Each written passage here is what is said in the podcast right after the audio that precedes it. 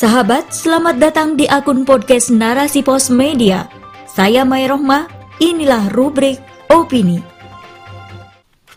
Potensi salah sasaran aplikasi peduli lindungi untuk Migor Curah oleh Mutiara, kontributor narasipos.com.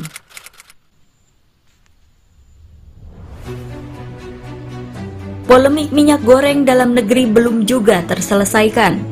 Sejak awal kelangkaan pada akhir 2021 sampai kemudian tersedia, namun dengan harga yang cukup tinggi, begitu mencekik rakyat. Perlu diketahui bahwa penyebab kenaikan harga minyak goreng, menurut Oke Nurwan, selaku Dirjen Perdagangan Dalam Negeri Kemendag, adalah meningkatnya harga CVO yang berdampak negatif pada harga minyak goreng.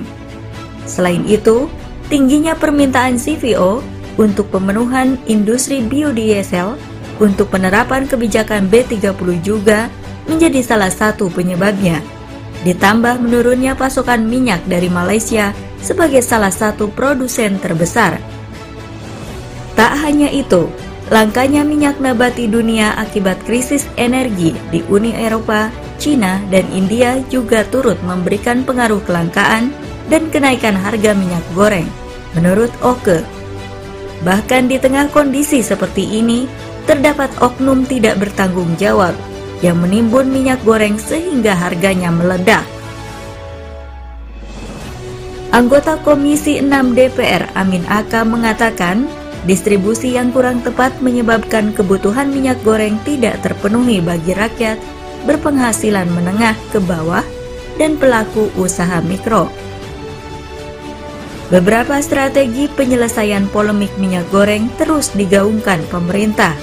Salah satu di antaranya adalah penggunaan aplikasi Peduli Lindungi untuk minyak goreng curah. Hal tersebut tentunya mendapat respon pro dan kontra. Sebenarnya bila diuraikan, kebijakan ini kurang tepat. Pertama, penggunaan aplikasi tentunya membutuhkan smartphone dalam pengoperasiannya Sementara masyarakat Indonesia, terlebih masyarakat menengah ke bawah, tidak memiliki smartphone untuk mengakses aplikasi peduli lindungi dan akhirnya berdampak pada subsidi salah sasaran. Secara geografis pun, kepemilikan smartphone di perkotaan berbeda dengan di pedesaan. Hal ini dapat menyebabkan ketimpangan sasaran subsidi dan rentan dimanfaatkan oknum tertentu dengan menaikkan harga dan mengambil keuntungan. Sehingga dapat disimpulkan bahwa penggunaan aplikasi Peduli Lindungi tidaklah dapat menyelesaikan masalah minyak goreng, bahkan berpotensi disalahgunakan dan tidak tepat sasaran.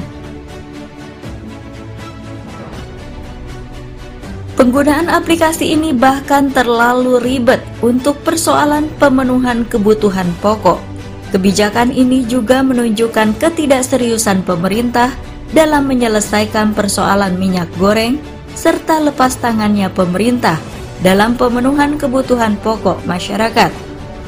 Hal seperti ini sering terjadi dalam sistem kapitalisme di mana penguasa hanya menjadi regulator bukan sebagai pengelola sumber daya alam untuk rakyat.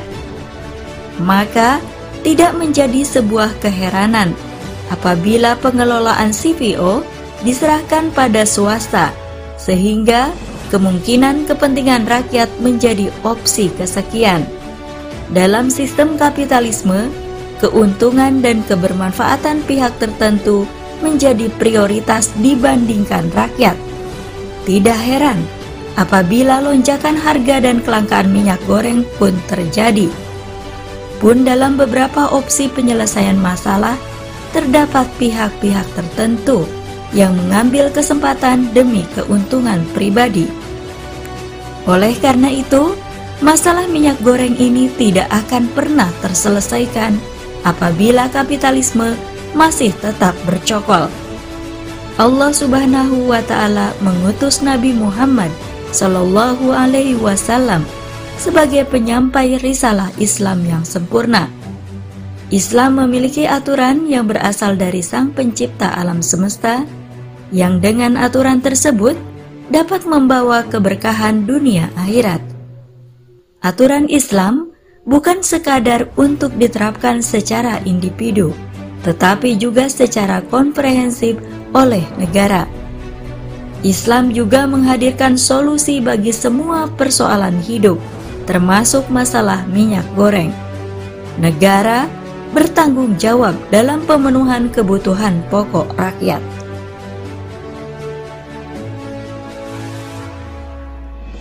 Islam memiliki mekanisme dalam pemenuhan kebutuhan pokok rakyat.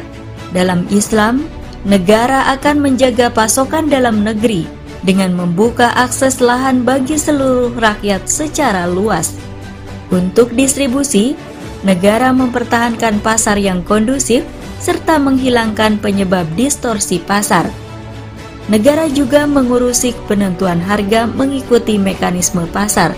Selain itu, Negara dalam Islam juga mengatur urusan dalam dan luar negeri dengan baik, sehingga tidak mudah didikte dan mengikuti ketentuan yang dapat menyebabkan kesengsaraan bagi rakyat.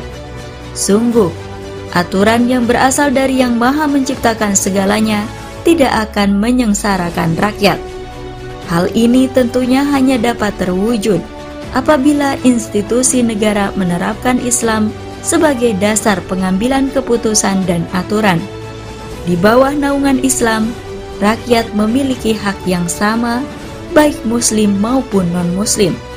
Tidak ada diskriminasi antara yang satu dan lainnya selama tunduk pada aturan negara dengan Islam sebagai landasan utamanya. Sebab Islam rahmat bagi seluruh alam. Wallahu a'lam bisawab.